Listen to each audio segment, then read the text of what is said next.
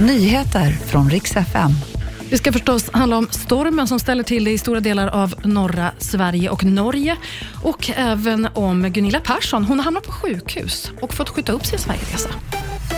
Vi ska börja med att en man som hittades svårt skadad utanför en förskola i Åre i morse har dött.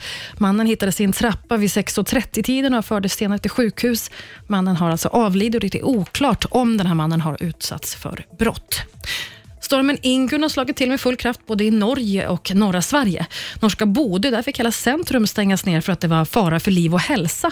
I Kiruna där har skolorna stängt vid lunchtid och räddningstjänsten har varit ute för att informera och varna på till exempel byggarbetsplatser.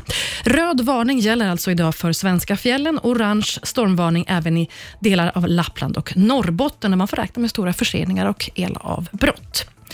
Gunilla Persson har hamnat på sjukhus. Nu ska hon få skjuta upp sin Sverigeresa och det här har hon skrivit själv på Instagram. Hon har så drabbats av förfärlig yrsel.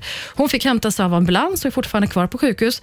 Där ska man nu utreda vad det är. Hon kan till exempel ha drabbats av den så kallade kristallsjukan.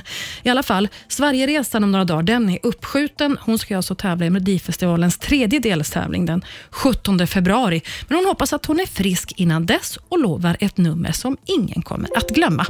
Det var nyheterna. Jag heter Maria Granström.